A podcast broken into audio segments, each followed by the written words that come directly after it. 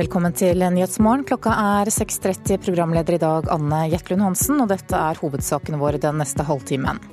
Politiet har pågrepet mannen som de mener drepte en 40-åring på Etterstad i Oslo på lørdag. Over 7000 skolebarn opplever å bli krenket av læreren sin. De som blir krenka av voksne, den krenkelsen legitimerer også krenkelsen fra andre elever sier mobbeombud Bodil Jensen Haug. Og en falsk video om krigen i Syria vekker internasjonale reaksjoner.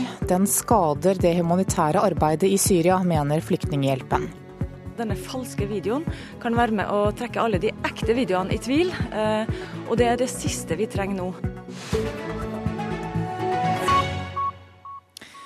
Tips fra publikum gjorde at politiet i natt pågrep mannen som er siktet for å ha drept en 40 år gammel mann på Etterstad i Oslo. I tillegg til han som er drept, så ligger en annen fortsatt hardt skadd på sykehus etter angrepet. Og politiet sier at pågripelsen skjedde uten dramatikk. Rett før klokken halv tolv så fikk vi en melding inn til operasjonssentralen fra publikum om eh, da noe som eh, de mente var, eh, var den mistenkte, etterlyste, i, eh, i drapssaken fra Etterstad. Lørdag kveld ble to menn funnet i en trappeoppgang i en boligblokk på Etterstad i Oslo. De to var blitt utsatt for grov vold med et ukjent redskap. Begge to ble fraktet til sykehus, der den ene av dem, en mann i 40-årene, senere ble erklært død.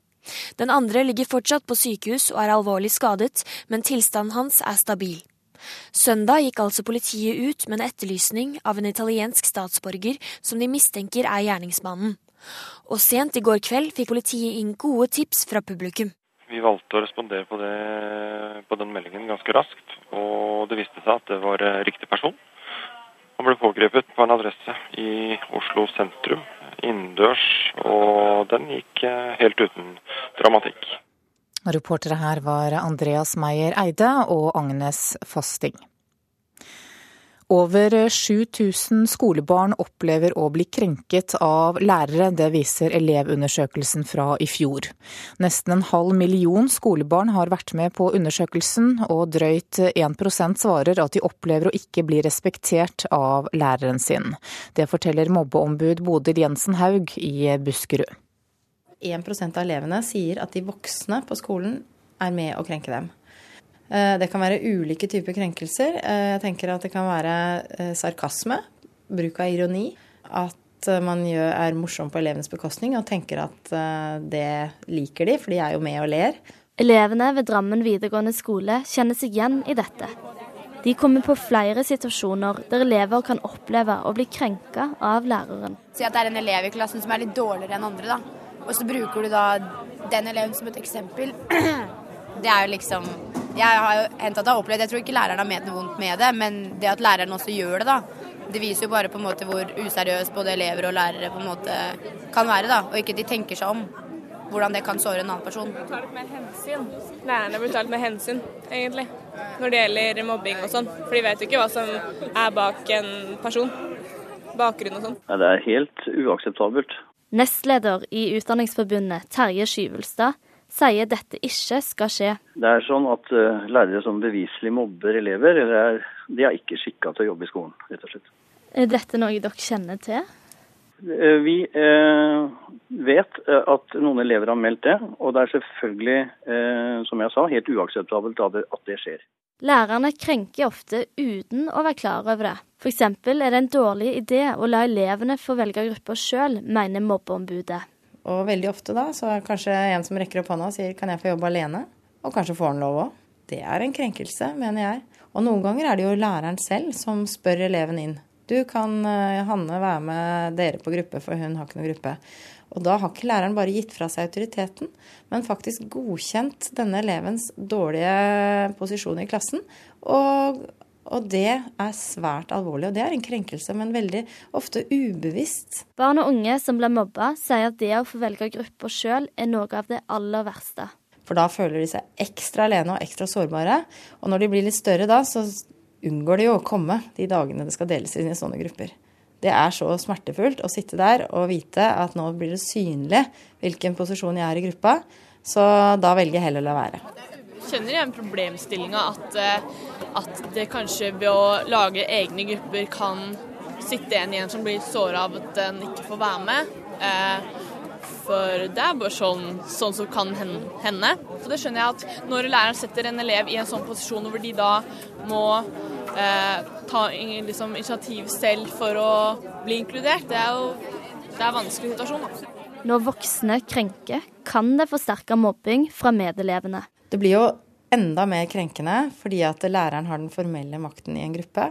Og det vet vi fra undersøkelser i Sverige, at, eh, og det er tilsvarende elevundersøkelsen, der har de lagt mye mer fokus på dette med voksnes krenkelser.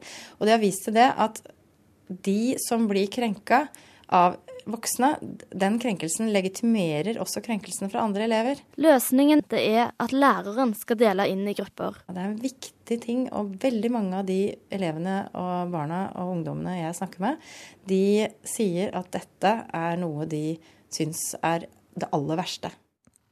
Det sa mobbeombud i Buskerud Bodil Jensen Haug, og reporter her det var Tove Bø.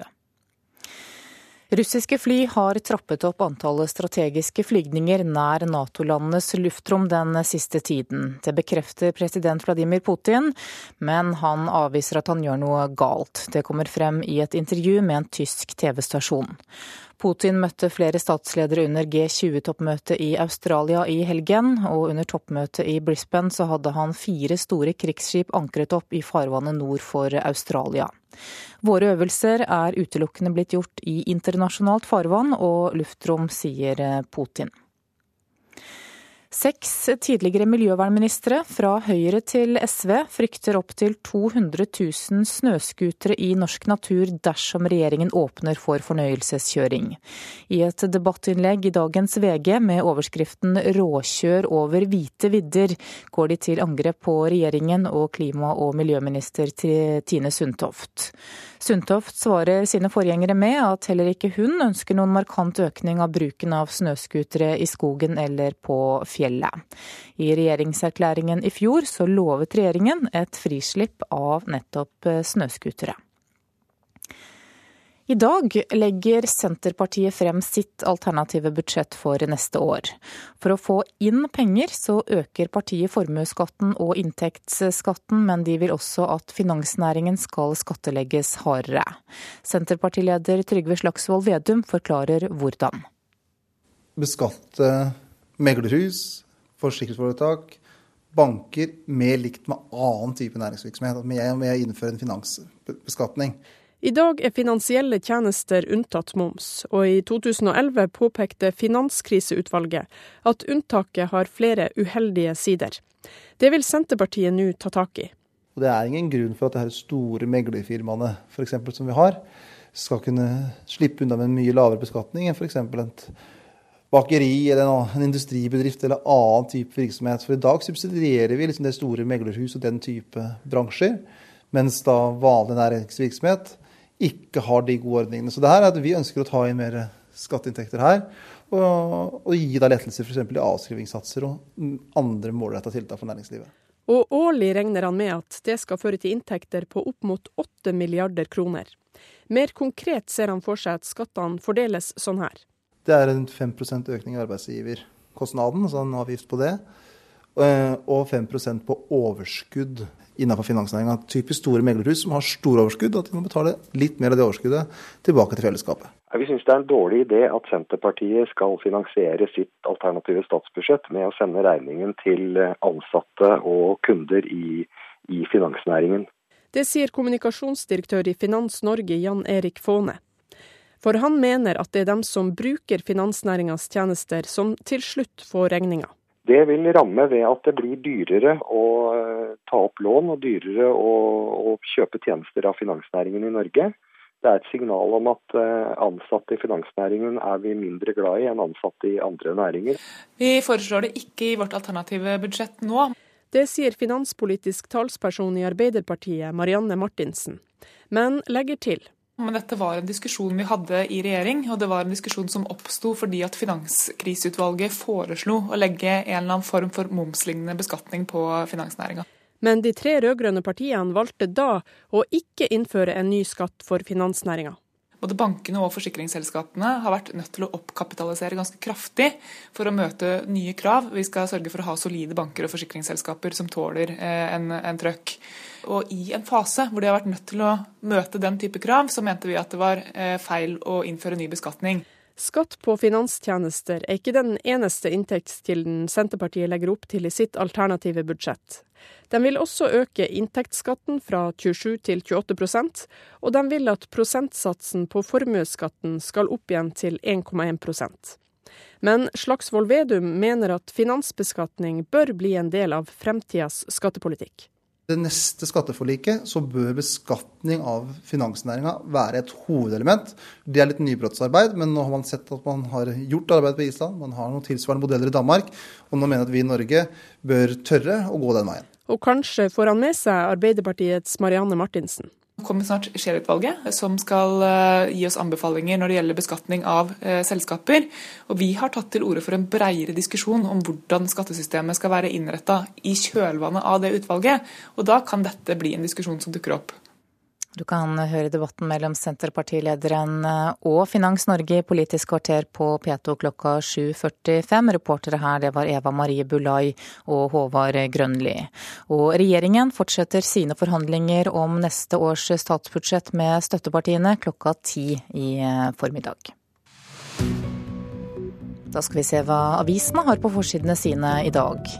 Telenor-skandalen vokser, det er overskriften i Klassekampen. Nye rettsdokumenter viser at det russiske mobilselskapet VimpelCom, der Telenor er en av hovedeierne, overførte ytterligere 30 millioner dollar til datteren til presidenten i Usbekistan for å sikre seg telelisenser, skriver avisen. Ifølge etterforskerne har VimpelCom tjent 1,7 milliarder kroner gjennom ulovlige bestikkelser. Aftenposten forteller at 150 unge mennesker med leppe-ganespalte skyves bakover i operasjonskøen. Årsaken er at det er de samme kirurgene som opererer denne pasientgruppen, og som utfører brystrekonstruksjon på kvinner som er rammet av brystkreft. Politikerne vil prioritere brystkreftpasientene, og dermed må unge med leppe-ganespalte vente. Nasjonen skriver at næringslivet vraker toget. Innstilte tog og forsinkelser gjør at norske bedrifter heller sender varer med lastebil, og siden 2008 så har togtransporten gått ned med 10 her er flyktningene ingen i Norge vil ha, det er overskriften i Vårt Land. 29 syke personer med permanent opphold her i landet venter i asylmottak, men ingen kommuner vil gi dem et sted å bo fordi det koster for mye penger. Det er dårlig stemning mellom ungdomspartiene til regjeringen og støttepartiene. Det skriver Dagsavisen. FpU-lederen sa på lørdag at han mener KrF og Venstre driver sandkassepolitikk i budsjettforhandlingene. KrFU-lederen mener at dette ikke akkurat øker interessen for videre samarbeid. Tusenvis av elever går på skole i brokker, er overskriften i Bergens Tidende. Bare i Bergen så går 6000 elever på skoler med brakkebygg. Men skolebyråden mener at dette er fullverdige undervisningslokaler. Stavanger Aftenblad forteller at Sandnes kommune har avslørt at en av deres ansatte har 13 ulovlige bygg på gården sin. Mannen selv mener at han er utsatt for en svertekampanje. Statoils strategisjef sier i et intervju med Dagens Næringsliv i dag at han er stolt av satsingen på skifer. Han ser på Statoil som en av de viktigste aktørene i den neste fasen av det han kaller for skiferrevolusjonen. Mens Dagbladet gir deg oppskriften på hvordan du skal få mer penger å rutte med ved å vise deg skattetriks for folk flest. Skal vi ha sport her i Nyhetsmorgen, og nærmere bestemt eh, fotball. Trener Per-Mathias Høgmo og de norske landslagsspillerne vet at neste år kan bli langt tøffere enn dette året har vært. Nå vil laget ta med seg selvtilliten fra seieren over Aserbajdsjan i går videre til kampene mot Kroatia og Italia. Jeg er så stolt av gutta at vi, vi, står sammen. Jeg håper det vises at vi, vi, virkelig er stolte av å spille for Norge og, og jobber hardt for, for, landet. Sier Mats Møller Dæhlie etter at Norge slo Aserbajdsjan 1-0.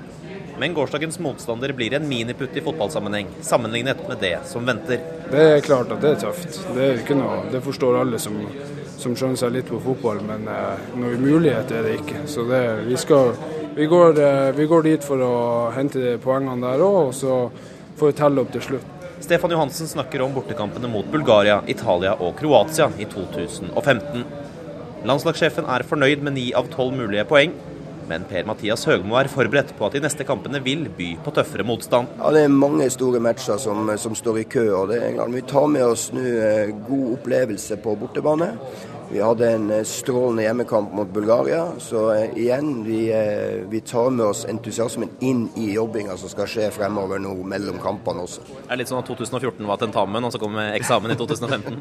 ja, det kan man gjerne si, men jeg syns fremfor alt at vi har vært dyktige til å fokusere på de såkalte arbeidsoppgavene. Det høres alltid kjedelig ut, men det er det som gir resultat over tid. Det er den trøkket du har i, i hverdagen, og være fokusert på det som kan gjøre oss bedre. Det, skal, det har vært spillerne virkelig vært og er gode til. Reporter i Baku, det var Mats Håby. Du hører på Nyhetsmorgen nå. Klokka er 6.46. Dette er hovedsakene våre. Politiet har pågrepet mannen som de mener drepte en 40-åring på Etterstad i Oslo på lørdag. Over 7000 skolebarn opplever å bli krenket av læreren sin. Det kan forsterke mobbing fra medelever, sier mobbeombud. Og følg oss videre. En norsk skuespiller fikk sitt gjennombrudd i Tyskland denne helgen.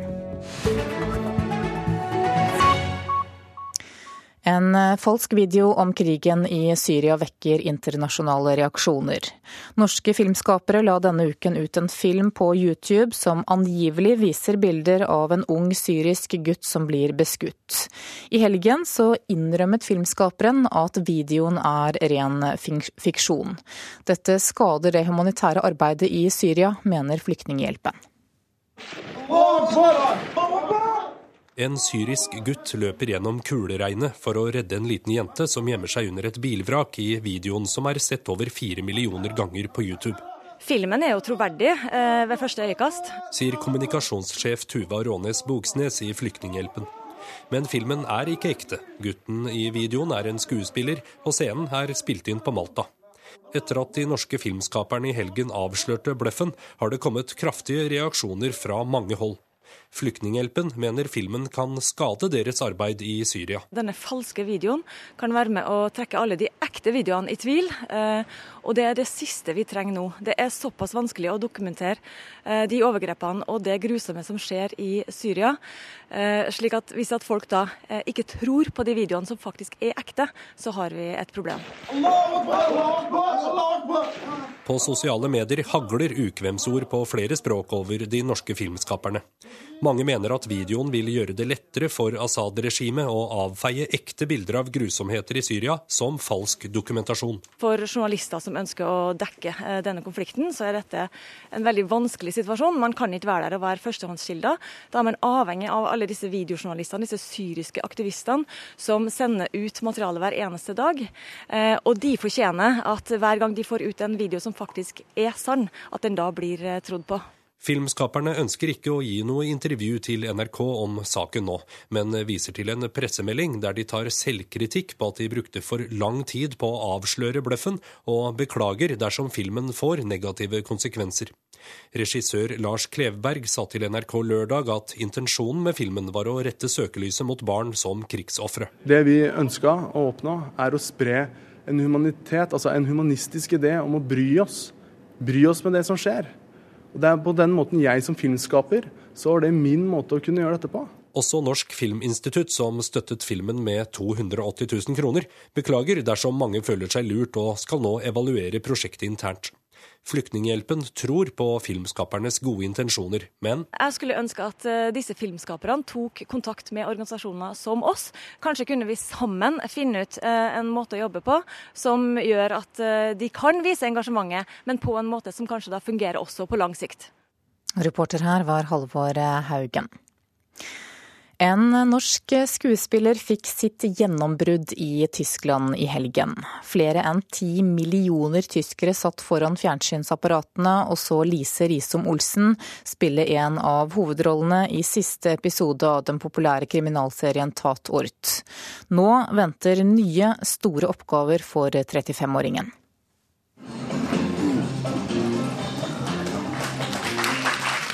Felleshuset, det nordiske ambassadebygget her i Berlin i forrige uke. En forsamling av spesielt inviterte får se den nye episoden av krimserien Tatort før den vises på TV.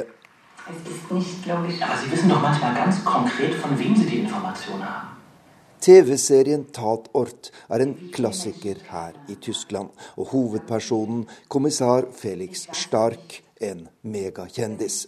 I den nye episoden har han altså med seg en norsk skuespiller, den 35 år gamle Lise Risom Olsen. Jeg skjønner jo mer og mer og mer at Tatort er den store greia å gjøre på TV i Tyskland. Store forventninger? Ja, nå prøver jeg, jo, prøver jeg å holde beina på jorda som en god nordmann. Ehm, så får vi jo bare se, da.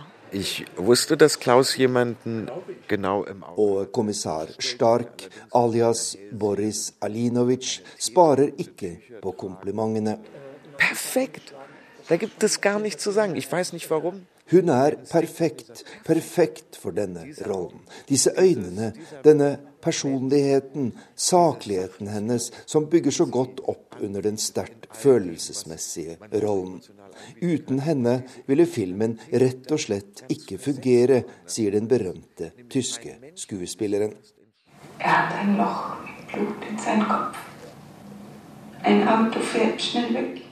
Lise Risom Olsens rolle i Tatort er at hun drømmer om mord som senere skjer.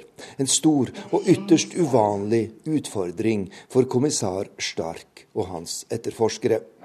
Og regissøren var bevisst på jakt etter en norsk eller nordisk skuespiller i rollen. Ingen tilfeldighet, mener skuespilleren. Altså, Vi bor jo litt nærmere naturen. Jeg tror det kan ha noe med, med det å gjøre. At uh, vi avfeier kanskje ikke ting så raskt. Uh, man har liksom en muligheten å åpne for at uh, vi ikke vet alt.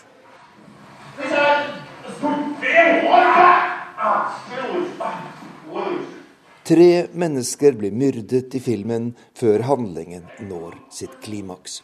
Den norske skuespilleren drømmer at kommissæren selv blir skutt, noe som også skjer. I sluttscenen er medarbeiderne på sykehuset for å få legens dom. Vil han overleve, spør en av kommissærens kolleger. Kanskje, lyder svaret. For Lise Risholm Olsen er rollen i Tatort et definitivt gjennombrudd. A Star Is Born her i Berlin, og den neste oppgaven venter allerede. En filmatisering av Ibsens 'Byggmester Solnes'. Det blir da en uh, tysk kinofilm som skal spilles inn her i Berlin på begynnelsen av neste år. Hvor jeg da spiller um, Katja, som hun heter her, Kaja, som hun heter i originalversjonen. Og det blir da egentlig min, første, min ordentlige første Ibsen-rolle også. Så det er jo spesielt å gjøre det i Tyskland. Reporter her, det var Arnt Stefansen.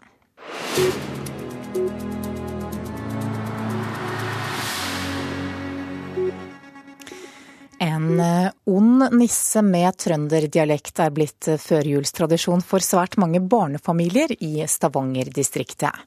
Julerevyen om Svartnissen spilles for 13. gang, og i fjor så ble forestillingen sett av over 19 000 mennesker.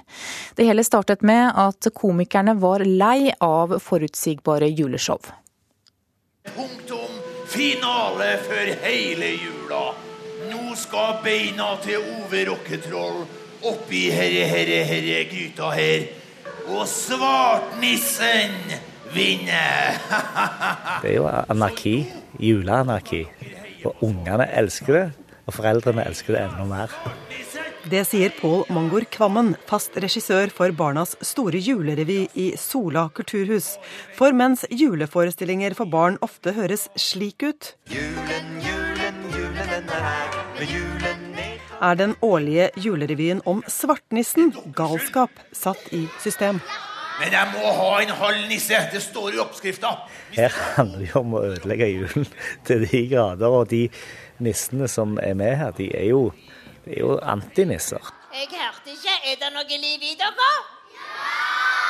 Jeg hørte ikke. Ja! Jeg hørte ikke. Jeg hørte ikke. Hvert eneste år kommer figuren Gerd ut på scenen i Sola kulturhus og hilser før resten av gjengen dukker opp.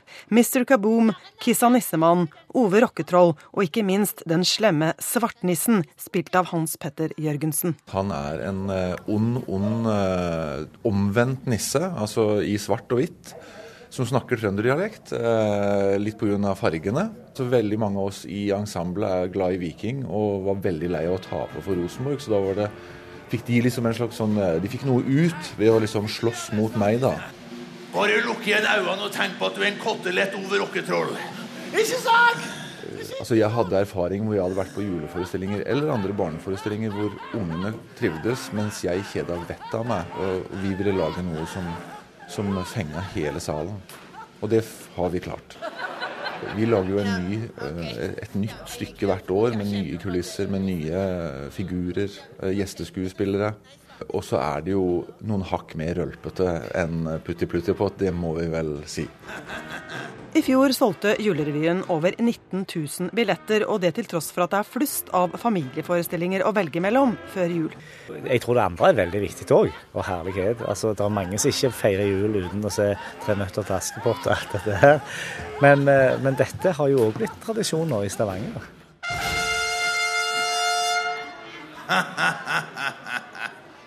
Ja, slik hørtes det ut i 2012. Årets forestilling Klon kokos jul har premiere førstkommende torsdag. Og reporter her, det var Anette Johansen Espeland. Da skal vi se på et værvarsel som gjelder til midnatt. Fjellet i Sør-Norge kan vente seg sørøstlig frisk bris i dag. Østlig stiv kuling utsatte steder i Langfjella. Opphold, men litt snø sør for Haukeli. Østlandet nordøstlig bris, på kysten liten kuling, litt regn særlig i kveld fra Oslo og sørover, og snø over 300 meter. Telemark nordøstlig bris, liten kuling på kysten, regn av og til, snø over 400 meter. Mest nedbør nær kysten og ellers lokalt lave tåkeskyer. Agder nordøstlig bris, på kysten sterk kuling, senere stiv kuling. Regn av og til, mest nedbør nær kysten i øst og snø over 500 meter. Rogaland og Hordaland østlig stiv kuling utsatte steder. Opphold fra i ettermiddag litt regn, vesentlig i Rogaland, som snø over 500 meter.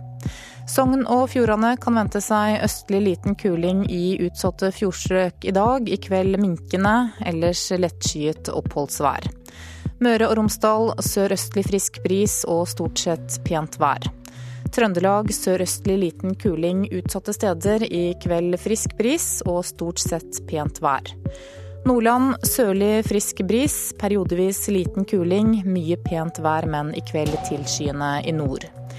Troms sørlig frisk bris, pent vær. Fra i ettermiddag sørvestlig frisk bris. Sent i kveld stiv kuling på kysten. Tilskyende og i kveld regnbyger på kysten. Finnmark sørvestlig periodevis liten kuling i kyst- og fjordstrøkene. Sent i kveld stiv kuling. Opphold i kveld regnbyger i vest. Og på Nordensjøland på Spitsbergen er det ventet vestlig frisk bris. Etter hvert skiftende bris og litt snø, senere opphold. Så tar vi med temperaturene som ble målt klokka fire. Da hadde Svalbard lufthavn minus sju grader, Kirkenes én, Vardø tre, Alta minus åtte, Tromsø minus fem, Bodø tre, Brønnøysund åtte, Trondheim én, Molde to, Bergen fire, Stavanger ni, Kristiansand fem, Gardermoen tre, Lillehammer to, Røros null, og på Oslo-Blindern så var det fire plussgrader klokka fire i morges. Det er ventet litt lavere temperaturer i Sør-Norge utover dagen. Stigende temperatur Nord i Nord-Norge og på Spitsbergen.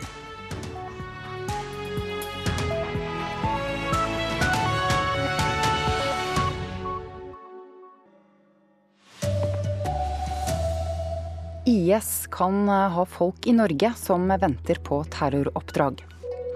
Kina kan stå bak smugling av elfenben fra Tanzania. Her er NRK Dagsnytt klokken sju.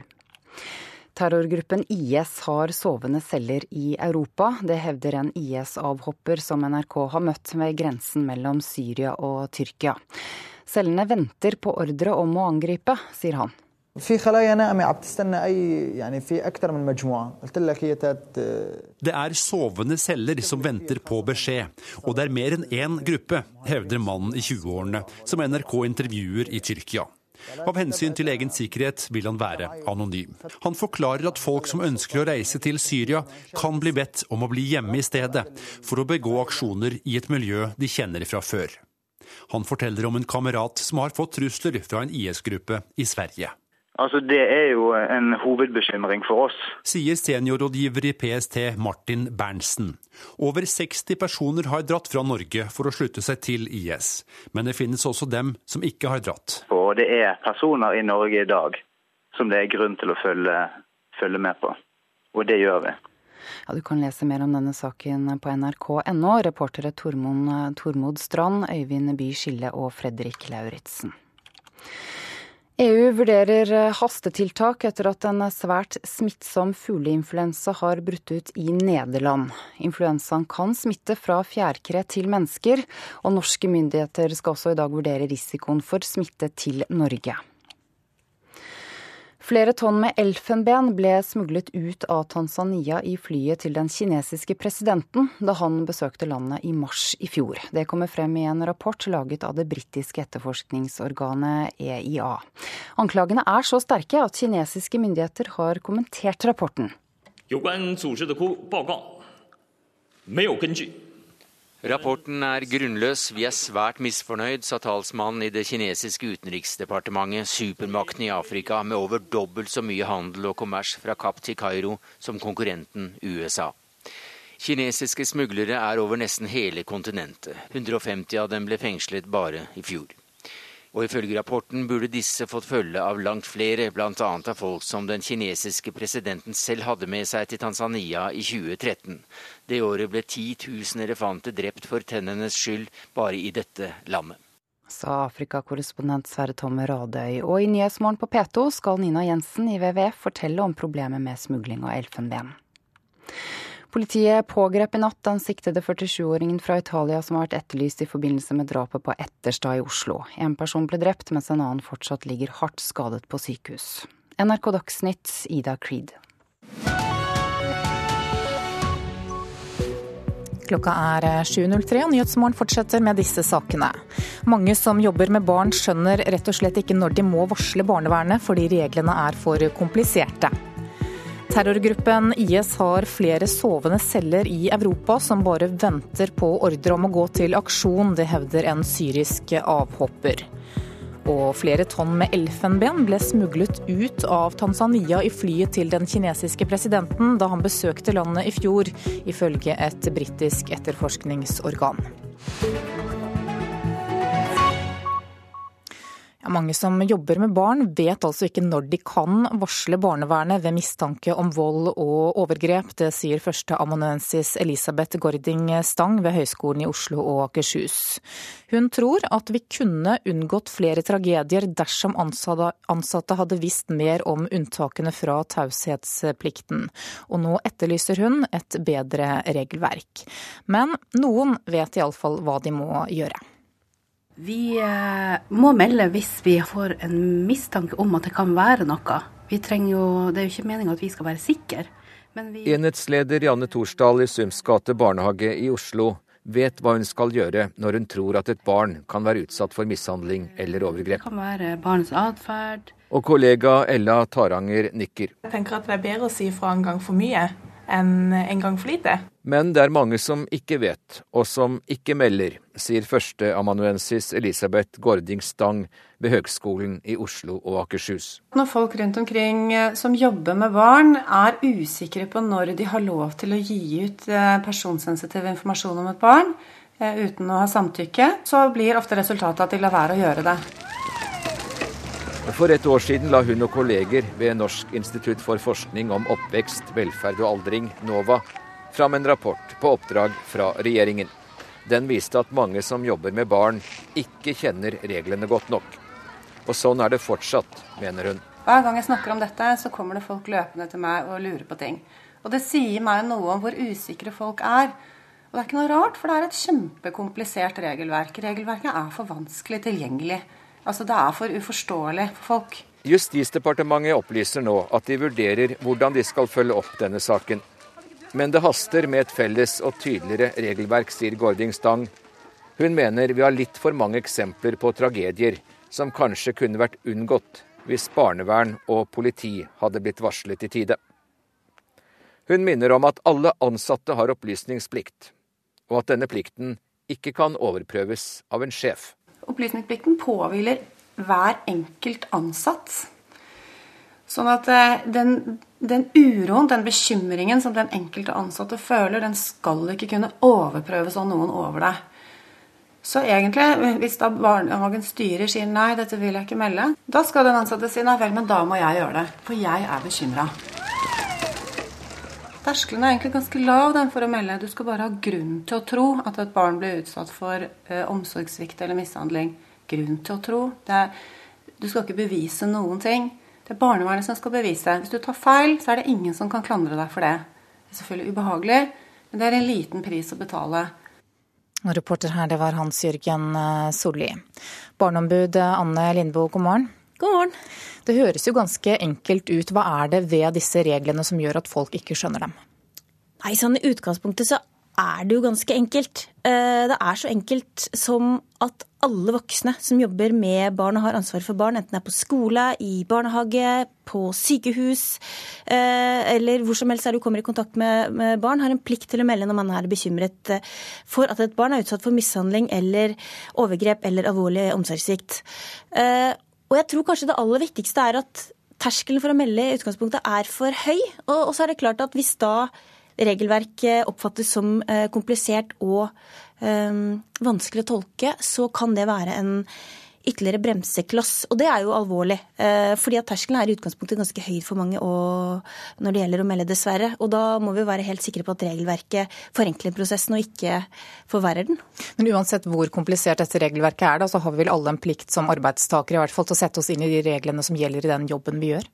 Absolutt, det har vi. Og eh, det er også veldig viktig at eh, alle ledere, altså rektorer, barnehagestyrere, eh, ledere på sykehus, informerer de ansatte om den meldeplikten du har. Og sånn som Gording Stang sa her, er veldig tydelig på at det er en meldeplikt som gjelder enhver selvstendig. Det er ikke sånn at hvis sjefen din eller noen over deg i linja sier at nei, dette kan vi vente med, og det er ikke så farlig kanskje, og la oss se an litt, så har man et eget selvstendig ansvar. Det må både ledere og de nedover i linja være klar over. For det her har det også skjedd mange tragedier at, at meldinger har stoppet faktisk eh, oppover i systemet til tross for at eh, folk har vært eh, bekymret.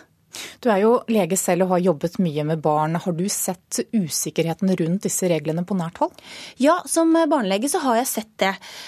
Og i regelverket i dag så står det jo at du skal melde fra ved mishandling eller overgrep. Og så står det alvorlig omsorgssvikt. Og f.eks. det med alvorlig omsorgssvikt kan være litt vanskelig. Hva betyr egentlig det? Men der altså er det jo veldig viktig å være klar over at det er opp til barnevernstjenesten å avsløre det, eller å, å på en måte gjøre undersøkelser. Så er man bekymret for omsorgssvikt, så bør man si fra. Man har ikke noe å være redd for. Eh, det som er farlig her, er faktisk det å ikke si ifra, for da finner vi ikke de barna som virkelig trenger det. Og trår vi feil én gang, eh, så er det kanskje prisen vi må betale for å virkelig sikre de barna som trenger hjelp. Så har vi vel alle en slags opplysningsplikt som borgere tenker jeg, til å melde fra dersom vi har mistanke om at barn ikke har det bra, uavhengig av regelverk? Ja, det har vi. Og jeg tenker at kanskje skal vi ikke henge oss eh, så mye opp i regelverket her, men faktisk tenke på sånn som du sier, den borgerplikten, den plikten som medmenneske vi faktisk har overfor små forsvarsløse barn som trenger voksne. Både profesjonelle eh, og også nabokjerring og familie og venner som står opp for dem. Eh, for det å si fra til barnevernstjenesten om at man er bekymret for et barn, det er jo omsorg. Det er ikke sånn som vi dessverre litt for ofte ser på det som angiveri. Det er å vise at man bryr seg om et barn og kan kanskje på sikt faktisk være med på å redde livet og sikre og trygge det barnet en god barndom. Så hører vi jo om eh, konkrete saker, f.eks. om denne tiåringen som døde i Oslo i sommer, der folk har meldt fra til barnevernet og saken er blitt henlagt. Hva gjør det med denne eh, lysten og plikten til å melde, tror du? Nei, det er veldig alvorlig, fordi det undergraver tilliten til barnevernstjenesten. Eh, og der har jo jeg nå bedt eh, barneministeren om å gå inn og se på lovverket. Det bør være sånn at man ikke ikke i barnevernstjenesten kan henlegge eh, en alvorlig sak eh, der det er mistanke om vold eller overgrep uten å igangsette undersøkelser uten å begrunne. I dag kan man henlegge uten å begrunne. Jeg mener at man må snu det på hodet. Man må faktisk begrunne hvorfor man henlegger en sånn alvorlig bekymringsmelding. Da tror jeg vi fanger opp flere barn, og så vil det også få større tillit hos de som melder. Og Det er også veldig viktig at barnevernstjenesten bruker den, eh, eller oppfyller den plikten de har til å melde tilbake til alle som har meldt om at de eh, ser på saken, og til alle profesjonelle om eh, faktisk også hva de gjør. For det bygger tillit. Det å få vite hva som skjer som barnelege, som profesjonelt, er veldig vanskelig når du skal forholde deg til familien kanskje videre. Takk skal du ha, barneombud Anne Lindboe. En syrisk mann som hoppet av fra terrorgruppen IS hevder at gruppen har sovende celler i Europa. NRK har møtt mannen ved grensen mellom Syria og Tyrkia, og han sier at disse IS-cellene bare venter på ordre om å gå til aksjon. في خلايا في خلايا نائمه عم تستنى اي يعني في اكثر من مجموعه قلت لك هي det er sovende celler som venter på beskjed, og det er mer enn én gruppe, hevder mannen i 20-årene, som NRK intervjuer i Tyrkia. Av hensyn til egen sikkerhet vil han være anonym.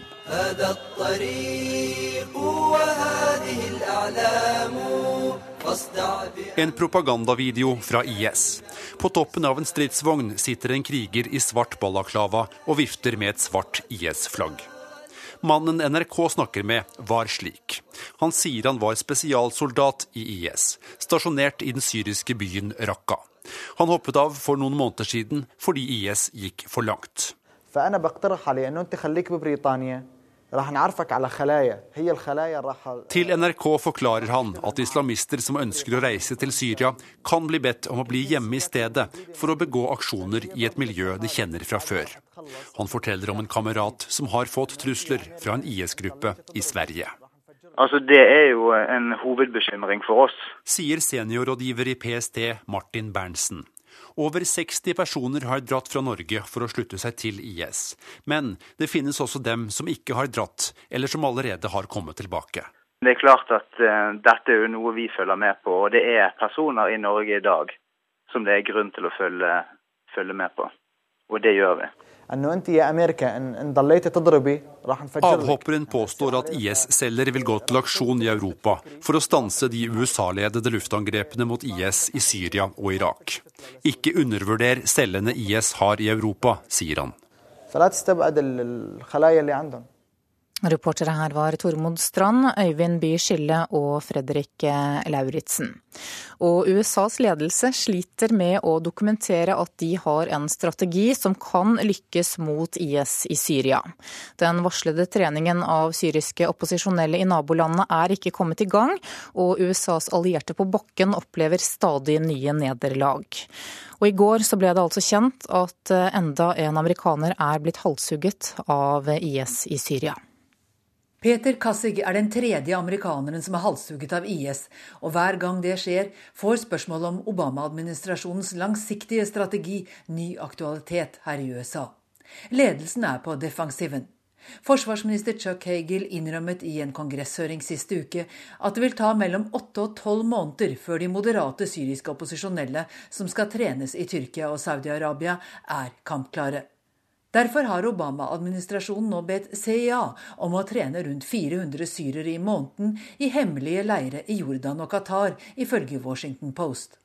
Hagel sa for øvrig lite om Syria under høringen, men han holdt fast ved at luftkrigen har en effekt.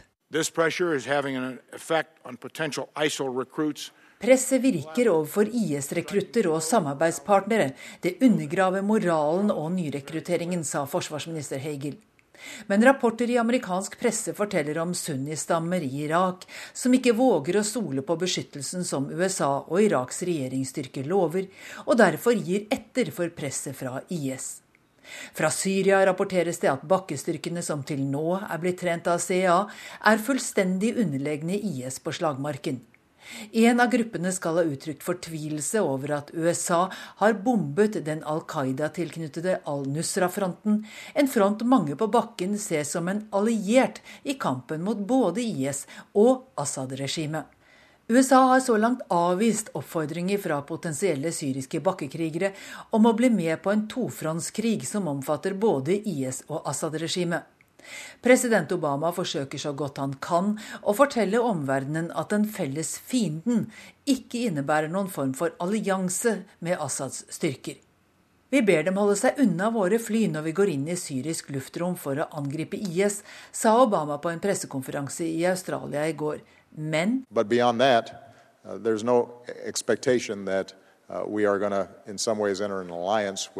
det er ingen som venter at vi vil inngå noen allianse med Assad. Han er ikke troverdig i eget land, sa presidenten, før han tok en ny sving og snakket om betydningen av en politisk løsning. Og ettersom få tror en militær seier over både IS og Assads styrker er mulig, så er en da raskt tilbake til spørsmålet om Assad og hans folk likevel må være en del av løsningen. Groholm, Washington. Klokka er 7.16. Eh, du hører på Nyhetsmorgen. Dette er hovedsakene våre. Mange som jobber med barn vet ikke når de kan varsle barnevernet ved mistanke om vold og overgrep. Det kan få store konsekvenser. Terrorgruppen IS har flere sovende celler i Europa som bare venter på ordre om å gå til aksjon. Det hevder en syrisk avhopper. Følg oss videre. Tre av fire som oppsøker legevakten har sykdommer som de kunne ha ventet med til neste dag. Nå skal vi høre at den svake norske krona kan gjøre Norge mer forberedt på tiden etter olje. Blant annet blir norske lønninger billigere, påpeker ekspertene. Men hos valutaveksleren Forex på Oslo S så er mange kunder allerede overrasket over hvor lite euro og dollar de får igjen for en norsk krone.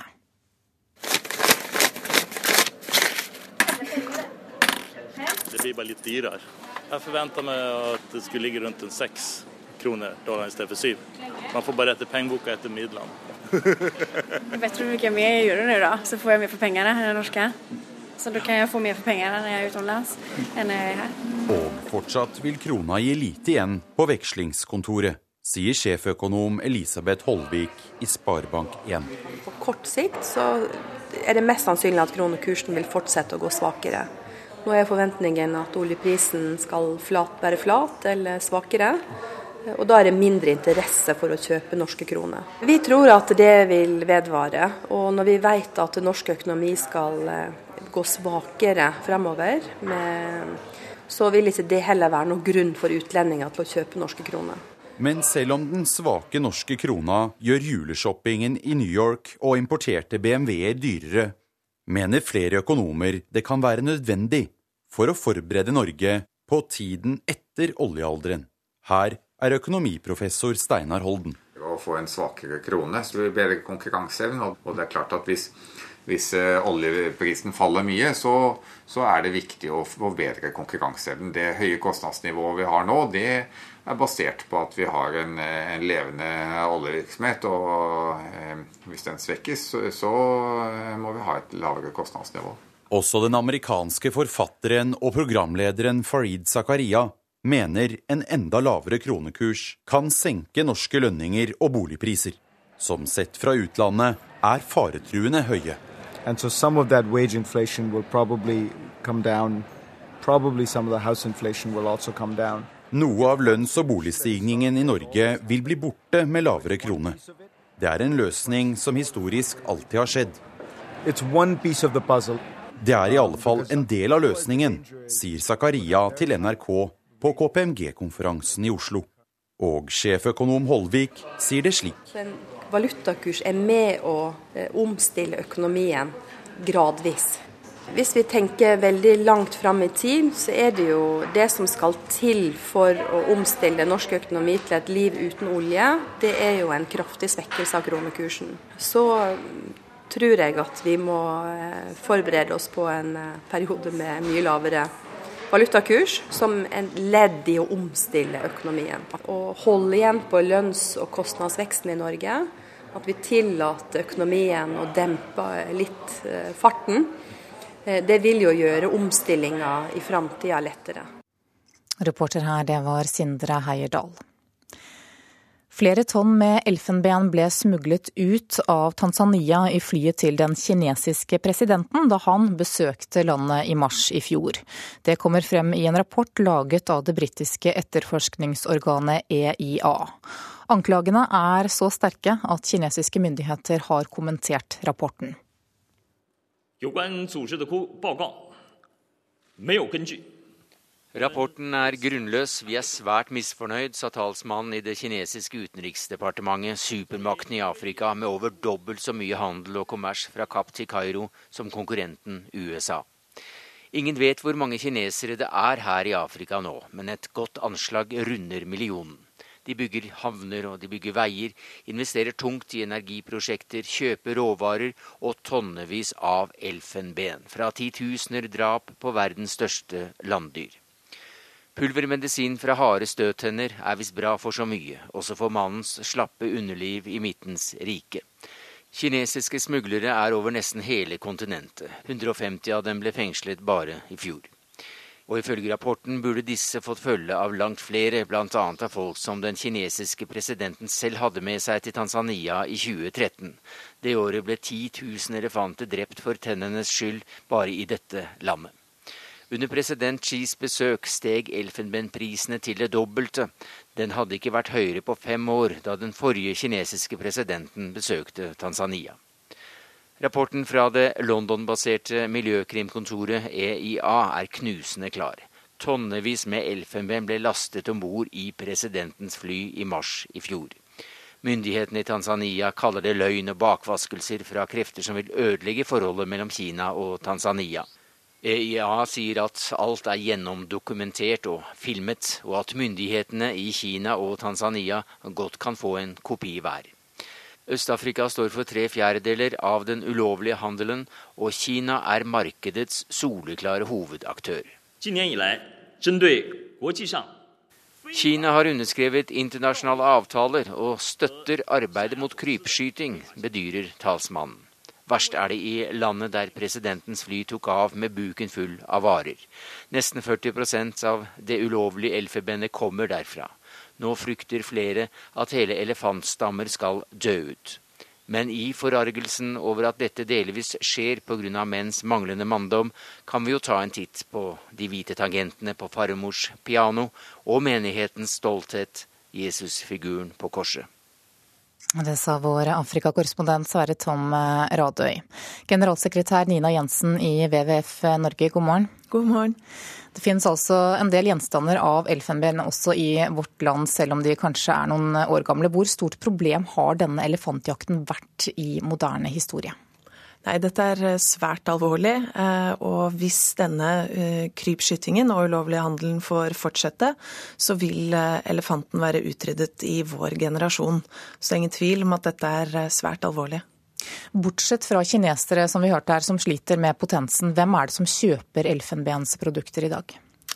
Altså De viktigste sluttbrukermarkedene er i Kina og i Thailand. Eh, men det er ikke sånn at dette bare brukes til potensmedisin.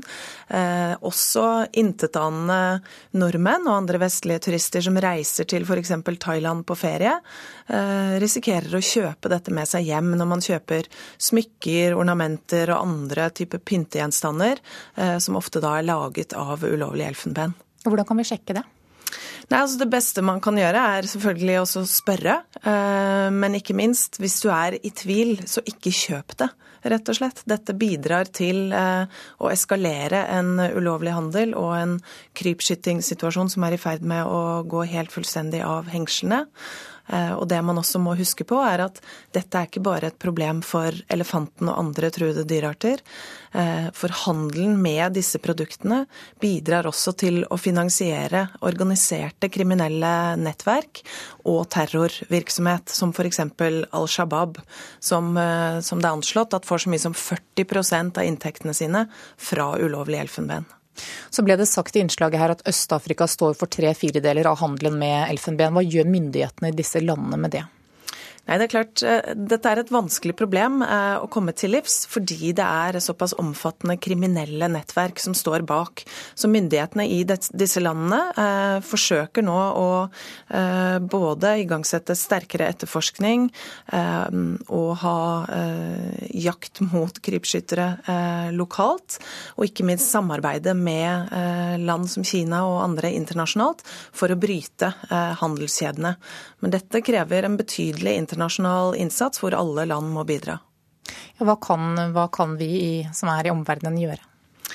Eh, for det første så bør land som Norge bidra med finansiering for å bekjempe dette problemet, nettopp fordi det er så omfattende, og fordi det griper inn i, i enkeltmenneskers eh, liv også.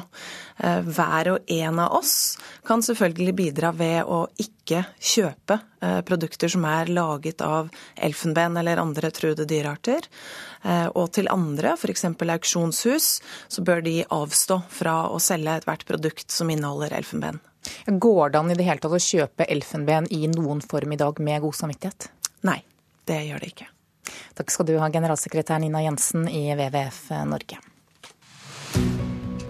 Da skal vi se hva avisene har på forsidene sine i dag. Telenor-skandalen vokser, det er overskriften i Klassekampen. Nye rettsdokumenter viser at det russiske mobilselskapet VimpelCom, der Telenor er en av hovedeierne, overførte ytterligere 30 millioner dollar til datteren til presidenten i Usbekistan for å sikre seg telelisenser, ifølge avisen. Etterforskerne sier at VimpelCom har tjent 1,7 milliarder kroner gjennom ulovlige bestikkelser. Aftenposten forteller at 150 unge mennesker med leppe-ganespalte skyves bakover i operasjonskøen. Årsaken er at det er de samme kirurgene som opererer denne pasientgruppen, og som utfører brystrekonstruksjon på kvinner som er rammet av brystkreft. Politikerne vil prioritere brystkreftpasientene, og dermed må unge med leppe-ganespalte vente.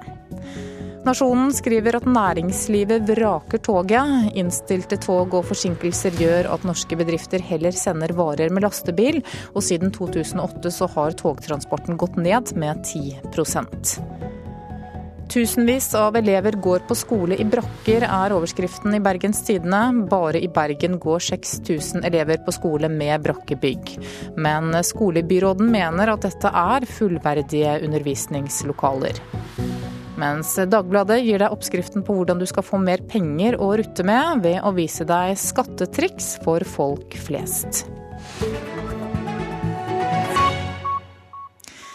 Tre av fire som oppsøker legevakten har sykdommer som de kunne ha ventet med til neste dag. Det viser forskning fra Nasjonalt kompetansesenter for legevaktmedisin.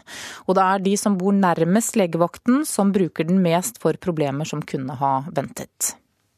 Hvis jeg ikke blir frisk i løpet av en uke, så tenker jeg meg en tur til legevakten. Ja, da skal, da skal jeg ha vondt. Veldig vondt, liksom. Føler at noe er galt. Det, er ikke, det skal mye til før jeg går til legevakta. Så skal du hoste blod omtrent. Langt fra alle tenker slik som studentene vi møtte i Bergen.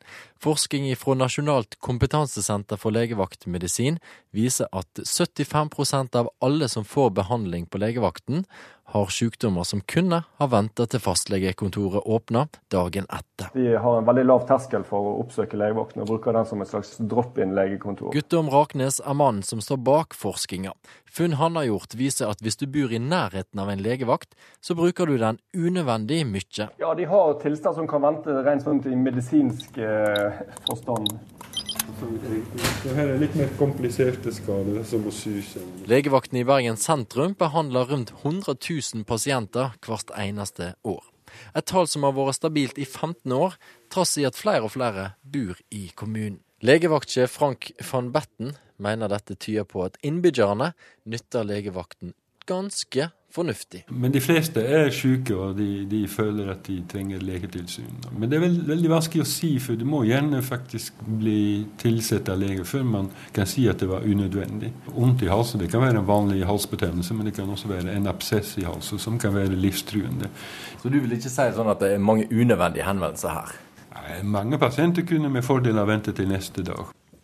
Det sa legevaktsjef i Bergen, Frank van Betten, og reporter det var Anders eh, Ekanger.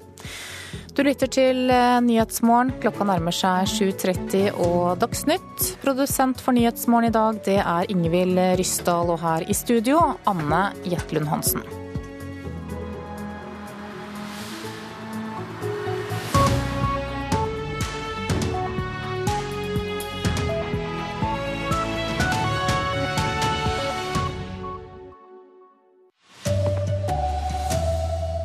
Mange som jobber med barn, vet ikke når de må varsle barnevernet. Drapssiktet italiener ble pågrepet i Oslo i natt. Folk så mannen og tipset politiet. Neste år blir langt tøffere for Per-Mathias Høgmo og landslagsspillerne. God morgen, her er NRK Dagsnytt klokken 7.30. Ja, mange som jobber med barn vet ikke når de kan varsle barnevernet ved mistanke om vold og overgrep. Det sier førsteamanuensis Elisabeth Gording Stang ved Høgskolen i Oslo og Akershus. Hun tror at vi kunne unngått mange tragedier dersom ansatte hadde visst mer om unntakene fra taushetsplikten. Og nå etterlyser hun et bedre regelverk. Men noen vet hva de må gjøre. Vi eh, må melde hvis vi får en mistanke om at det kan være noe. Enhetsleder Janne Torsdal i Sums gate barnehage i Oslo vet hva hun skal gjøre når hun tror at et barn kan være utsatt for mishandling eller overgrep. Det er jo ikke meninga at vi skal være sikre. Men det er mange som ikke vet, og som ikke melder, sier førsteamanuensis Elisabeth Gording Stang ved Høgskolen i Oslo og Akershus. Når folk rundt omkring eh, som jobber med barn er usikre på når de har lov til å gi ut eh, personsensitiv informasjon om et barn eh, uten å ha samtykke, så blir ofte resultatet at de lar være å gjøre det. For et år siden la hun og kolleger ved Norsk institutt for forskning om oppvekst, velferd og aldring, NOVA, fram en rapport på oppdrag fra regjeringen. Den viste at mange som jobber med barn, ikke kjenner reglene godt nok. Og sånn er det fortsatt, mener hun. Hver gang jeg snakker om dette, så kommer det folk løpende til meg og lurer på ting. Og det er ikke noe rart, for det er et kjempekomplisert regelverk. Altså, Det er for uforståelig for folk. Justisdepartementet opplyser nå at de vurderer hvordan de skal følge opp denne saken. Men det haster med et felles og tydeligere regelverk, sier Gording Stang. Hun mener vi har litt for mange eksempler på tragedier som kanskje kunne vært unngått hvis barnevern og politi hadde blitt varslet i tide. Hun minner om at alle ansatte har opplysningsplikt, og at denne plikten ikke kan overprøves av en sjef. Så egentlig, hvis da barnehagen styrer sier nei, dette vil jeg ikke melde, da skal den ansatte si nei vel, men da må jeg gjøre det. For jeg er bekymra. Reporter her var Hans Jørgen Solli. Ikke hør på sjefen, men meld fra hvis du er bekymret, hørte vi her. Og barneombud Anne Lindboe, hva tenker du om det? Nei, Det er helt riktig. Og egentlig så er dette ganske enkelt. Hvis du jobber med barn, eh, så har du en plikt til å melde hvis du er bekymret for omsorgssvikt, overgrep eh, eller eh, vold mot et barn. Og du har et selvstendig meldeansvar. Og det holder å ha en grunn til å tro du skal ikke vite det er barnevernstjenesten som skal finne ut av det. Og du har egentlig ingenting å tappe. Det kommer ikke til å komme noen konsekvenser hvis man tar feil. Det som er utrolig alvorlig, er hvis man ikke sier fra når et barn virkelig trenger hjelp, for det kan koste et barn livet. Så hva mener du må til for at flere som jobber med barn skal tørre å si fra? Nei, det er klart Hvis regelverket er en bremsekloss, så må man forenkle det. Eh, jeg tror også det er veldig viktig eh, at alle må bevisstgjøres i forhold til det ansvaret vi har for å melde ifra. Eh, ledere, sjefer må informere ansatte om at man har dette ansvaret, og at det er selvstendig. Det må være en kultur for å melde. Og så må man bygge opp gode systemer, sånn at man vet når man står i en situasjon hva man skal gjøre. Ha noe som kan hjelpe seg, og kanskje ha gjort dette her før, sånn at det ikke blir for stort og overkommelig. og som også barnevernstjenesten tar på alvor og, melde godt tilbake når eh, man sier ifra, sånn at man vet hva som skjer. Mm. Takk for at du kom i studio, barneombud Anne Lindboe. Tips fra publikum førte til at politiet i natt pågrep mannen som er siktet for å ha drept en 40 år gammel mann på Etterstad i Oslo. I tillegg til han som er drept, ligger en annen fortsatt eh, hardt skadet på sykehus etter angrepet. Politiet sier pågripelsen skjedde uten dramatikk. Rett før klokken halv tolv så fikk vi en melding inn til operasjonssentralen fra publikum om eh, da noe som eh, de mente var, eh, var den mistenkte, etterlyste, i, eh, i drapssaken fra Etterstad. Lørdag kveld ble to menn funnet i en trappeoppgang i en boligblokk på Etterstad i Oslo. De to var blitt utsatt for grov vold med et ukjent våpen. Begge to ble fraktet til sykehus, der den ene av dem, en 40 år gammel mann, senere døde. Den andre ligger fortsatt på sykehus og er alvorlig skadet, men tilstanden hans er stabil. I går etterlyste altså politiet en 47 år gammel italiensk statsborger som de mistenker er gjerningsmannen. Og i går kveld fikk politiet tips fra publikum som førte til pågripelse. Vi valgte å respondere på, det, på den meldingen ganske raskt, og det viste seg at det var eh, riktig person. Han ble pågrepet på en adresse i Oslo sentrum, innendørs, og den gikk eh, helt uten dramatikk. Etter planen skal 47-åringen bli avhørt av politiet i løpet av dagen. Reportere Andreas Meyer Eide og Agnes Fasting. Seks tidligere miljøvernministre, fra Høyre til SV, frykter opptil 200 000 snøscootere i norsk natur dersom regjeringen åpner for fornøyelseskjøring. I et debattinnlegg i dagens VG med overskriften 'Råkjør over hvite vidder', går de til angrep på regjeringen og klima- og miljøvernminister Tine Sundtoft. Sundtoft svarer sine forgjengere med at heller ikke hun ønsker noen markant økning av bruken av snøscootere i skogen eller på fjellet. Så skal vi gjøre at tre av fire som eh, oppsøker legevakten, har sykdommer som kunne ha ventet med behandling til neste dag. Det viser forskning fra Nasjonalt kompetansesenter for legevaktmedisin. Og det er de som bor nærmest legevakten som bruker den unødvendig oftest. Hvis jeg ikke blir frisk i løpet av en uke, så tenker jeg meg en tur til legevakten. Ja, da skal, da skal jeg ha vondt. Veldig vondt, liksom. Føler at noe er galt. Det, ikke, det skal mye til før jeg går til legevakta. Så skal du hoste blod omtrent. Langt fra alle tenker slik som studentene vi møtte i Bergen. Forskning fra Nasjonalt kompetansesenter for legevaktmedisin viser at 75% av alle som får behandling på legevakten, har sykdommer som kunne ha venta til fastlegekontoret åpna dagen etter. Vi har en veldig lav terskel for å oppsøke legevakten og bruker den som et slags drop-in-legekontor. Guttorm Raknes er mannen som står bak forskninga. Funn han har gjort, viser at hvis du bor i nærheten av en legevakt, så bruker du den unødvendig mye. Reporter Andreas Ekanger. I dag legger Senterpartiet frem sitt alternative budsjett. For å få inn nesten 8 milliarder kroner mer i året, vil de øke skattene for banker, forsikringsselskaper og meglerhus. Finans Norge mener forslaget er en dårlig idé, og sier det er ansatte og kunder som i så fall må ta skatteregningen. Hør debatt om dette i Politisk kvarter på P2 om få minutter. Men først. Den svake norske kronen kan gjøre Norge mer forberedt på tiden etter olje. Annet blir norske lønninger lavere, påpeker ekspertene. Men hos valutaveksleren Forex på Oslo S er mange kunder allerede overrasket over hvor lite euro og dollar man får igjen for kronen nå. Det blir bare litt dyrere. Jeg forventa meg at det skulle ligge rundt en seks kroner dollar i stedet for syv. Man får bare etter pengeboka etter midlene. Det du hvor mye jeg gjør i nå, da. Så får jeg mer for pengene her det norske. Så da kan jeg få mer for pengene når jeg er utenlands enn når jeg er her. Og fortsatt vil krona gi lite igjen på vekslingskontoret, sier sjeføkonom Elisabeth Holvik i Sparebank1.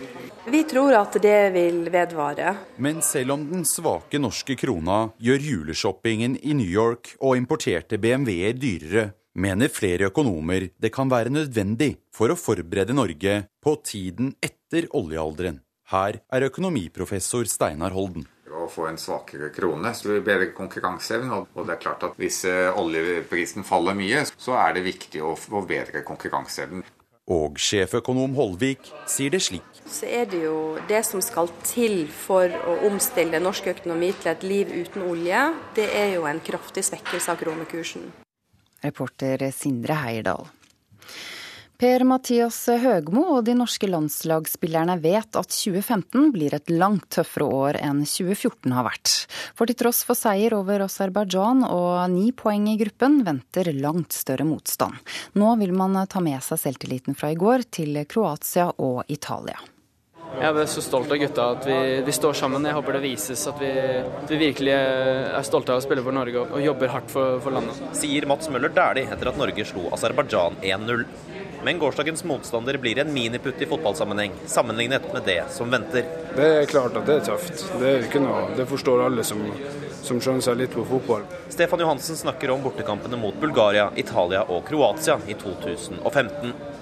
Landslagssjefen er fornøyd med ni av tolv mulige poeng, men Per-Mathias Høgmo er forberedt på at de neste kampene vil by på tøffere motstand. Ja, Det er mange store matcher som, som står i kø. og det er klart Vi tar med oss nå eh, god opplevelse på bortebane. Det er litt sånn at 2014 var tentamen, og så kommer eksamen i 2015? ja, det kan man gjerne si. Reporter i Baku, Mats Håby. Det er Bjørn Christian Jacobsen som er ansvarlig for Dagsnytt-sendingene denne morgenen. Teknisk ansvarlig Lars Tronsmoen. Jeg heter Ida Creed.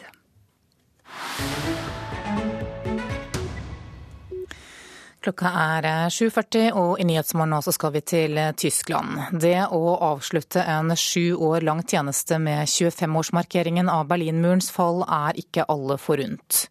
Ambassadør Sven Svedman mener det gjenforente Tyskland er i ferd med å finne seg selv.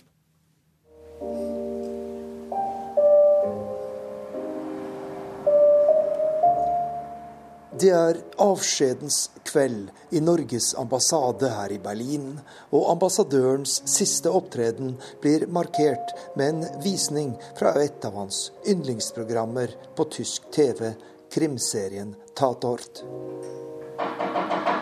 Ja. Hva skal du? Herr Patke?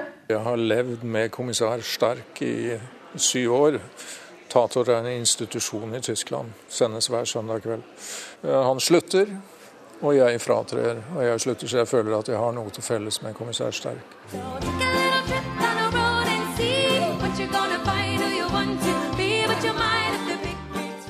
For jentebandet Katzenjammer og en lang rekke andre norske artister og kunstnere har Tyskland vært selve nøkkelen til suksess de siste årene. Og for Sven Svedmann har det tysk-norske kultursamarbeidet vært noe av det mest gledelige i hans sju år som Norges ambassadør her i Berlin. Det er jo fantastisk å arbeide med kultursamarbeidet med Tyskland. Fordi Tyskland er jo vårt største kulturmarked. Ingen sted i verden selges flere oversatte norske bøker. Spilles mer norsk musikk vises flere norske filmer enn i Tyskland. Det er altså en stor interesse. Men tenk om nordmenn kunne få ta del av mer av den tyske kultur. Bøker, litteratur, film, fjernsyn. For jeg tror faktisk at vi ikke bare ville likt det, men det ville beriket oss.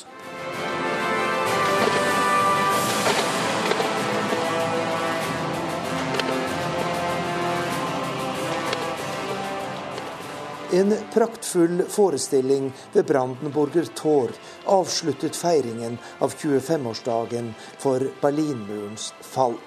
For Norges Berlin-ambassadør var det å kunne delta i denne feiringen en perfekt avslutning på en lang tjenestetid i den tyske hovedstaden.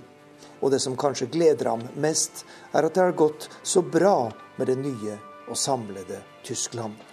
Det er klart at uh, tyskerne har hatt og har ambivalent, eh, et ambivalent syn på sin egen rolle. Eh, fordi eh, samme hvordan man ser på det, vil alltid skyggen fra historien hvile over dette landet. Men det som er fantastisk nå, er jo at Tyskland går ut av sin skygge til applaus fra en hel verden tysk lederrolle i Europa er jo en villet lederrolle, mer hos andre enn hos tyskerne selv. Eh, så det vi har sett nå, er jo et Europa hvor dessverre noen igjen forsøker å etablere murer eh, rundt Ukraina.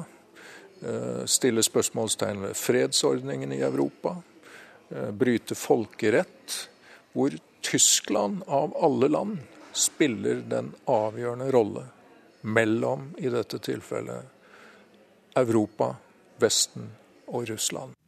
Det sa Sven Svedmann, avtroppende ambassadør i Berlin, og reporter her, det var Arnt Stefansen. Klokka er 7.44 nå, du hører på Nyhetsmorgen og dette er våre hovedsaker. Mange som jobber med barn vet ikke når de kan varsle barnevernet ved mistanke om vold og overgrep. Det kan få store konsekvenser. Terrorgruppen IS har flere sovende celler i Europa som bare venter på ordre om å gå til aksjon. Det hevder en syrisk avhopper. Og tips fra publikum gjorde at politiet i natt pågrep mannen som er siktet for å ha drept en 40 år gammel mann på Etterstad i Oslo. Politiet etterlyste mannen i går og sa at de trodde at han hadde vært på åstedet ikledd dameklær.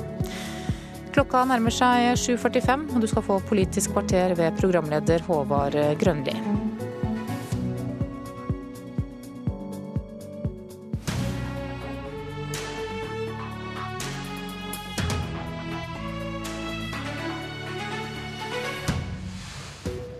Senterpartiet vil ha hardere skatter for bank, mekler og forsikringsselskap. De sender regninga til det lokale næringslivet, svarer bransjen. Norge er som Titanic, på vei mot et isfjell mens orkesteret spiller på dekk, mener FrPs Christian Tybring-Gjedde. Han er gjest seinere i Politisk kvarter, men først. Denne veka kommer endelig de rød-grønne partiene med sine statsbudsjettalternativ. Senterpartiet presenterer sitt i dag. For å finansiere økt samferdselssatsing og styrka kommuneøkonomi finner Senterpartiet tilbake til det rød-grønne nivået på personskattene. Men eh, dere kommer også med noe nytt, Senterpartileder eh, Trygve Slagsvold Vedum. Det er nemlig hardere skattlegging av finansnæringa. Ei 5 ekstra arbeidsgiveravgift og ei 5 ekstra skattlegging av overskudd skal eh, sørge for dette. Hvorfor er det behov for ekstra skattetrykk på bank og finans? Det kom en stor debatt etter finanskrisa i 2008 i egentlig nesten alle europeiske land. Flere europeiske land har innført en tydeligere beskatning av finanssektoren, for de har jo et unntak fra moms. Det har de i hele EU-området som hovedregel, men så har man da sett at det har skapt masse ustabilitet. Så vi ønsker å beskattlegge den næringa hardere pga. at den i dag er underbeskatta. Og det er veldig store overskudd eh, i næringa. Du ser det både i meglerhus, du ser det i enkelte banker, at det er store, store overskudd. Og så var Finanskriseutvalget klare konklusjon at eh, det her kan bidra til ustabilitet når du forfordeler en næring så kraftig som vi gjør da finans, eh, finansnæringa. Og Derfor er det en debatt i alle europeiske land på hvordan kan vi da ha en beskatning av den næringa som er mer lik andre typer næringer. Og vi bruker de skatteinntektene vi får inn, til skatteletter f.eks. For, for industri, transportnæring, fiskeri, hva skogbruk. Mener, eh, hva mener du en oppnår med Senterpartiets grep, da? Det er to ting. For det første så er det at man får eh, penger inn i, i statskassa at man likebehandler finansnæringa mer med andre typer næringer. Det er ikke noen grunn for at de skal stimuleres ekstra. Og da når vi får de midlene inn, så kan vi da bruke de til f.eks. å stimulere annet type næringsliv, som da trenger bedre avskrivningssatser og, og, andre tiltak. Også var Finanskriseutvalgets poeng er at en for stor finanssektor kan bidra til ustabilitet eh, i økonomien. Derfor er det klokt å måtte ha en beskatning av dem som gjør at de ikke har mye mye bedre rammevilkår enn alle andre typer næringer. Kommunikasjonsdirektør Jan Erik Faane i Finans Norge. Dette forslaget vil gjelde mellom andre dine medlemsbedrifter. Hva vil konsekvensen være, tror du? Ja, dette er jo en skatteregning som eh, kundene, norsk næringsliv og norske husholdninger vil måtte, måtte ta. Det er jo ikke riktig at finansnæringen i Norge ikke betaler moms. Men det er kundene våre. altså så Når du får eh, regningen på boliglånet ditt, så står det ikke 25% moms på, på, renta du betaler på boliglånet. Eller når du betaler brannforsikringen på huset ditt, så betaler du ikke 25% moms til staten på den tjenesten. Men finansnæringen betaler, eh, betaler moms. Men er ikke eh, et momsfritak for slik type tjenester også i praksis ei subsidiering av næringene? Nei, det er ikke det. Det er akkurat som uh, Slagsvold Vedum har jo gått inn for uh, lavere matmoms. Og det er altså ikke en subsidiering av matbaronene, det er et bidrag til, uh, til husholdningene. Kritikerne altså ikke... vil kanskje hevde at det kan virke sånn?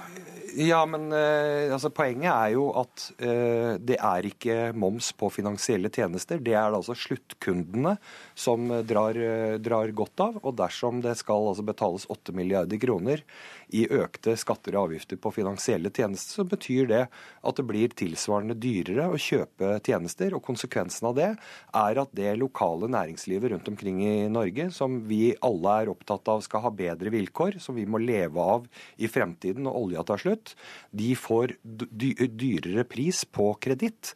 Og det er det stikk motsatte av det vi, vi burde oppmuntre til. Vedum, Vedum, du råker den lokale sparebanken du, med dette forslaget. Jeg er helt uenig i det. for du ser bare ta DNB Nord som et eksempel. Altså den største banken av alle hadde et overskudd på 17,5 milliard kroner i fjor. Hvis du tar de store meglerhusene i Oslo, enorme eh, overskudd. Og når du ser eh, utbetaling av bonuser og lønnsnivå innenfor finanssektoren, så er, er, en, en svær Men du vil gjøre det 5 dyrere? Er en svært høy. Og så ser du på våre naboland. Det er ikke noen særnorsk diskusjon der. Du ser det i Danmark, du ser det i Island, og setter hele EU-området. At man nå diskuterer hvordan kan vi klare å beskatte denne næringa mer. Nettopp for en ser at den har en så stor samfunnsmessig konsekvens. Hvis man ikke prøver å begrense omfanget av finansnæringa. Derfor så må de også betale sin del av samfunnets spleiselag. Fondet skal få svar på det. Ja, Nå trekker Vedum altså skattediskusjonen i andre land ut av sin sammenheng. For det er klart at det, det er da har man en helt annet skattesystem. Altså I Sverige har denne diskusjonen kommet opp i sammenheng med at man bl.a. Eh, foreslår en radikal reduksjon i, i selskapsskattenivået. Så man, ser, man, man, må også se på det totale skatte- og avgiftsnivået. Her er det altså 8 milliarder kroner som skal kreves inn via finansnæringen fra norske eh, næringslivskunder og fra norske, norske bedrifter. Og det er en eh, regning som noen må betale. og Konsekvensen av dette er altså at de små lokale sparebankene som betjener de små lokale norske, norske næringslivet, må ta den regningen. Dere foreslår altså at det skal være 5% dyrere å ha en ansatt i en bank eller et eh, forsikringsselskap enn å ha en ansatt i en annen type næringsvirksomhet. Og det, det, sender altså et litt merkelig signal til de 40 000-50 000 ansatte i finansnæringen. Er det, ikke, er det, altså er det er, det, er, de mindre verdt? Altså, nei, hvorfor skal ansatte koste 5% mer, bare fordi de jobber i en lokal sparebank eller et uh, forsikringsselskap? De har vært like mye som, som, alle andre. Men i dag så har finansnæringen et særdeles gunstig skatteregime med at man har unntak for moms. Og så er det Vårt hovedpoeng når vi kommer med det nå, er at i desember så kommer Scheel-utvalget med sin innstilling, der vi skal diskutere hele beskatningen av norske bedrifter. Burde du ikke vente på det? Nei, det, det bør vi ikke. For det, nå ønsker vi at det her med beskatning av finansnæringa skal være en helt sentral del av et kommende skatteforlik i Norge.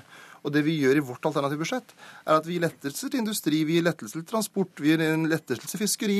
Vi, og vi bruker de åtte milliardene her til mange tiltak for å stimulere næringslivet rundt omkring i hele Norge. Men og så vet vi jo av det er altså at bo, folks boliglån blir 25 nei, gjør, dyrere. Nei, har, at bilforsikringen, brannforsikringen, blir 25 dyrere. Men Fåne, du må jo høre hva vi snakker om. Jeg har ikke sagt at vi skal innføre moms. Men det er ikke sånn at det, Nei, det er, bolig, det er, er, er, er ikke sånn, sånn at, det boliglånene i Danmark er 25 dyrere selv om de har en aktivitetsskatt i dag. Så det, men Poenget er at vi må se på andre europeiske land. De begynner å innføre den modellen, for de ser at det er ikke noe mål. Men de gjør det i samfunnet med en kraftig reduksjon nå, av andre skatter og avgifter. Det, det var så langt vi kom i denne sendinga. Takk til Jan Erik Faane og Trygve Slagsvold Vedum.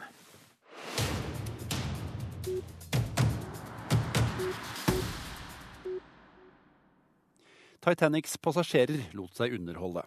Først i salongen, så på dekk. Orkesteret spilte sine muntre toner helt til båtdekket ble oversvømt. Nordmenn flest nyter gode dager, mette og tilfredse. Orkesteret spiller uten stans. Denne dystre sammenlikninga mellom Titanic og det norske samfunnet er det FrPs stortingsrepresentant Christian Tybring-Gjedde som kommer i boka 'Mens orkesteret fortsetter å spille'. God morgen til deg. Takk for det.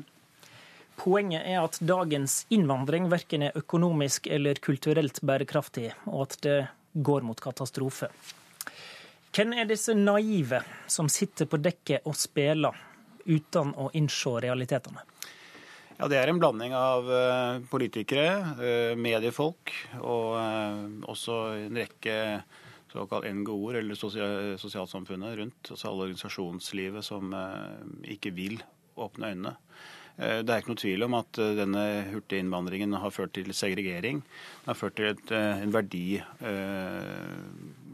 verdikollisjon når det gjelder ikke minst likestilling og likeverd og ytringsfrihet. Vi har sett en rekke eksempler på det, og det forsterker seg. Det siste vi så nå, det var jo eh, norske ungdommer som lar seg verve for en terrororganisasjon, islamsk stat, i Syria og Irak. Det er jo en, en fallitterklæring helt uten sidestykke. Hva slags langsiktige konsekvenser mener du vi er blinde for? da? Hvis vi går tilbake, så har Norge vært preget av eh, med stort samhold, stor solidaritet. Eh, og fellesskap, eh, det er akkurat det som nå utfordres i grunnmuren. Og da må vi tenke 10-15-20 30 år frem i tid, istedenfor å bare fokusere på ett statsbudsjett til neste statsbudsjett.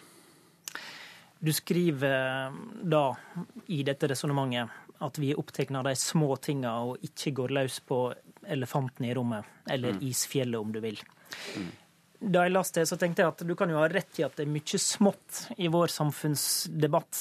Men kan ikke en grunn til det være at vi lever i et samfunn som faktisk er ganske velfungerende, og ikke er på vei mot katastrofer? Der snakker du akkurat sånn som, eh, som jeg kjenner igjen, nemlig at vi lever i et godt samfunn du og jeg har det veldig bra, men det er jo om å se fremover i, i, i, tid, og ikke tenke bare hvordan vi har det neste år. Jeg er helt sikker på at vi får det veldig bra neste år også, og kanskje også neste år der igjen, og kanskje også om fem år. Men poenget er at vi må se fremover, og da vil det være sånn at alle mette og tilfredse samfunn uh, har trodd at de skulle vare evig, uh, men ingen har gjort det. Uh, og Da er det viktig at vi også forbereder oss på de utfordringene vi får, og at vi innretter politikken etter den, de utfordringene vi har.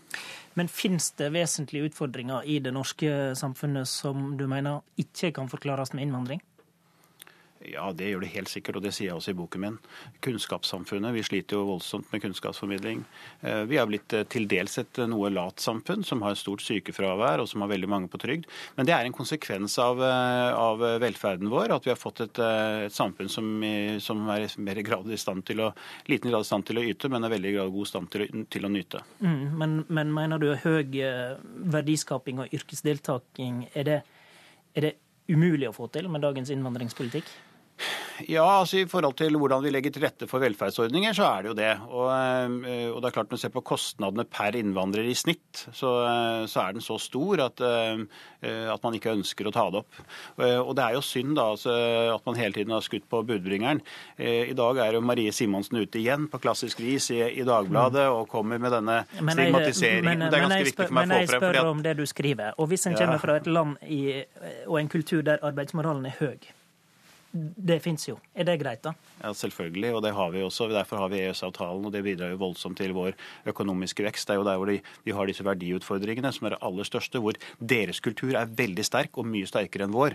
Det er jo nettopp det at de har et samhold som er helt unikt, mens vi har et forvitringssamfunn. Bør vi ha en innvandringspolitikk som skiller mellom arbeidsmoral, god og dårlig arbeidsmoral, da? Eller? Ja, det har vi jo i dag.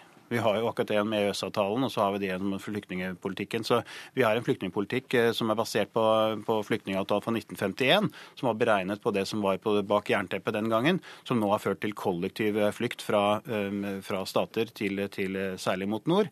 Og det er ikke det som flyktningkonvensjonen var tiltenkt å være, men det er den blitt i dag. Du skriver at det er med beklagelse jeg registrerer at mitt parti har karret seg innenfor og FrPs primærpolitikk har druknet i et hav av kompromisser. Mener du at Frp må ta medansvar for at Norge er på vei mot det du mener er en katastrofe? Ja, det mener jeg vi må gjøre. Vi, vi kan ikke sitte og styre og peke på alle andre.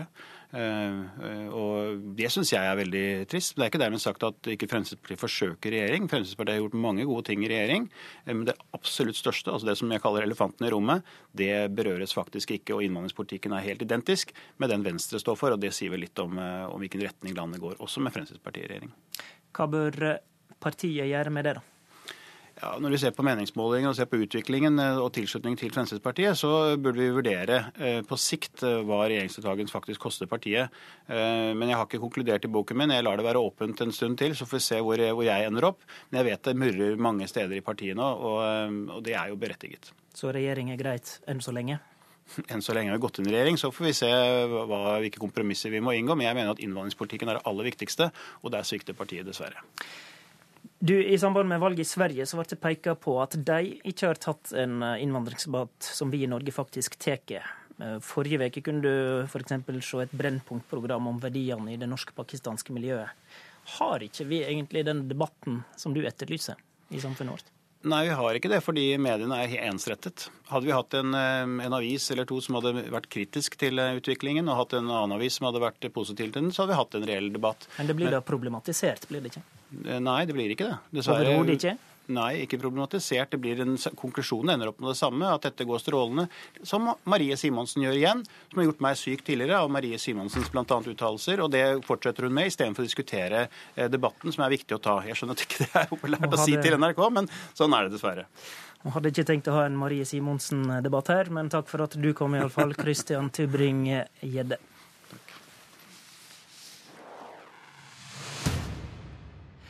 Så hva med budsjettforhandlingene da, lurer du kanskje på. Og da svarer vi de holder fram på Stortinget klokka ti i formiddag. Og de kommer ikke til å være ferdig til halv elleve. Utviklinga som skjer der, får du med deg på NRK radio og fjernsyn og nrk.no utover dagen. Det var Politisk kvarter. I studio Håvard Grønli.